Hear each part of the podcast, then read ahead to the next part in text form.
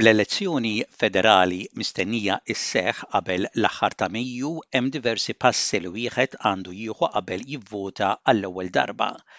Hemm ħafna informazzjoni biex tgħin lil dak li jkun jirreġistra biex ikun jista' jivvota u kif il-vot tiegħek jgħin fit-tfassil tan-nazzjon Awstraljan.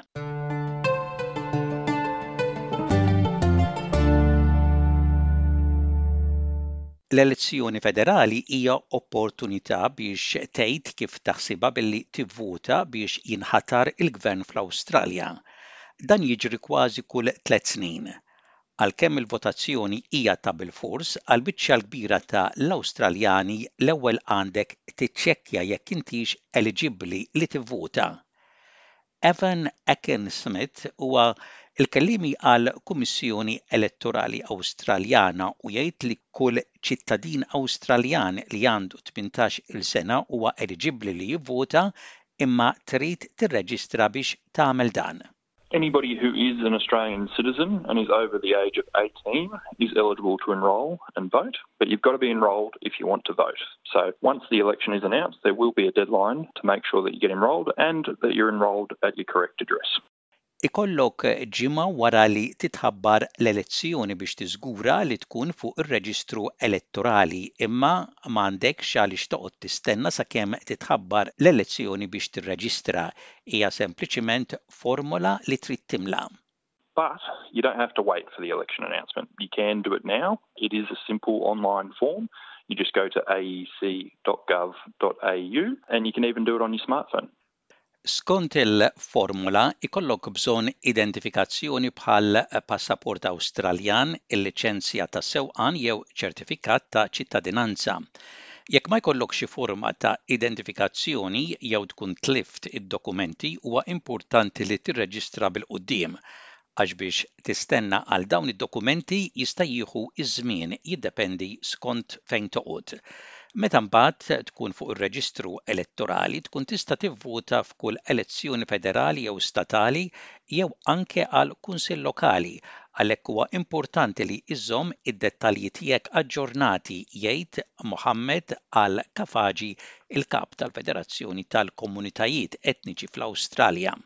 We encourage all new Australians, as soon as they become eligible to vote in this federal election, to ensure that they have registered and make sure that their details are up to date because we want to make sure that they have a say in their future and Australia's future. jekk mintix ċert, jekk intix diġa fuq ir-reġistru elettorali tista' tiċċekkja aec.gov.au/check jew ċempel wieħed tlieta tnejn tlieta tnejn sitta. Għal dawk li m'għandhomx l-internet, formoli fuq il-karti biex tirreġistra jinsabu minn kull uffiċċju tal-Kummissjoni Elettorali fl-Awstralja jew billi ċċempel wieħed tlieta tnejn tlieta tnejn sitta u jibgħatulek formola bil-posta Hemm kunsiderazzjonijiet oħra li jxekklu lil komunitajiet ta' migranti milli jirreġistraw biex jivvutaw bħal lingwa jew diffikultajiet kulturali. We need to understand that some people come from countries that voting has not been encouraged or actually it has been discouraged. So it's a mentality change and we need to ensure that people feel the confidence that when they vote, their vote is counted and There are no intimidation or consequences of them voting. There are some misconceptions out there that voting is against their religion, which is incorrect. And a lot of, for example, religious leaders encourage people to go out there and ensure that their vote is counted. Il-websajt tal-Kummissjoni Elettorali tinkludi linji gwida dwar eliġibilità u reġistrazzjoni maqlubin b'diversi lingwi. Jipprovdu wkoll servizz ta' traduzzjoni u interpretar. For people whose English is not their first language, there are great resources on the Australian Electoral Commission's website, but also we encourage uh, local multicultural organisations to reach out to their communities who are first time voters to ensure that they have all those resources and also assist them in registering if they need help. We know where those communities are that have English as a second language, and it's really important to ensure that we include those communities as part of this process.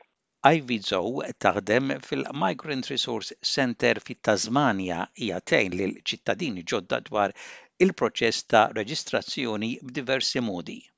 The first way is through our drop-in service with bicultural workers, they can just walk in to get information about citizenship and voting, which is one of the most frequent inquiries. Our settlement team and trained volunteers will answer your question like am I eligible to vote? How could I enroll myself? Do I have to vote? And similar questions. And also we train people to access the online service because it's quite simple and easier. Jekk tonqos li tivvota jista' jirriżulta f'multa, imma barra dan wieħed għandu jiftakar li titlef l-opportunità li tgħid kif taħsibha u tikkontribwixxi għat-tmexxija ta' dan il-pajjiż, jgħid Evan Ekin-Smith. We've had nearly 400,000 new Australian citizens enrol during this electoral cycle, which is fantastic. So if you're new to Australia, you're a new citizen, make sure you jump on the electoral roll. You get to have your say, and we make voting as easy as possible for you.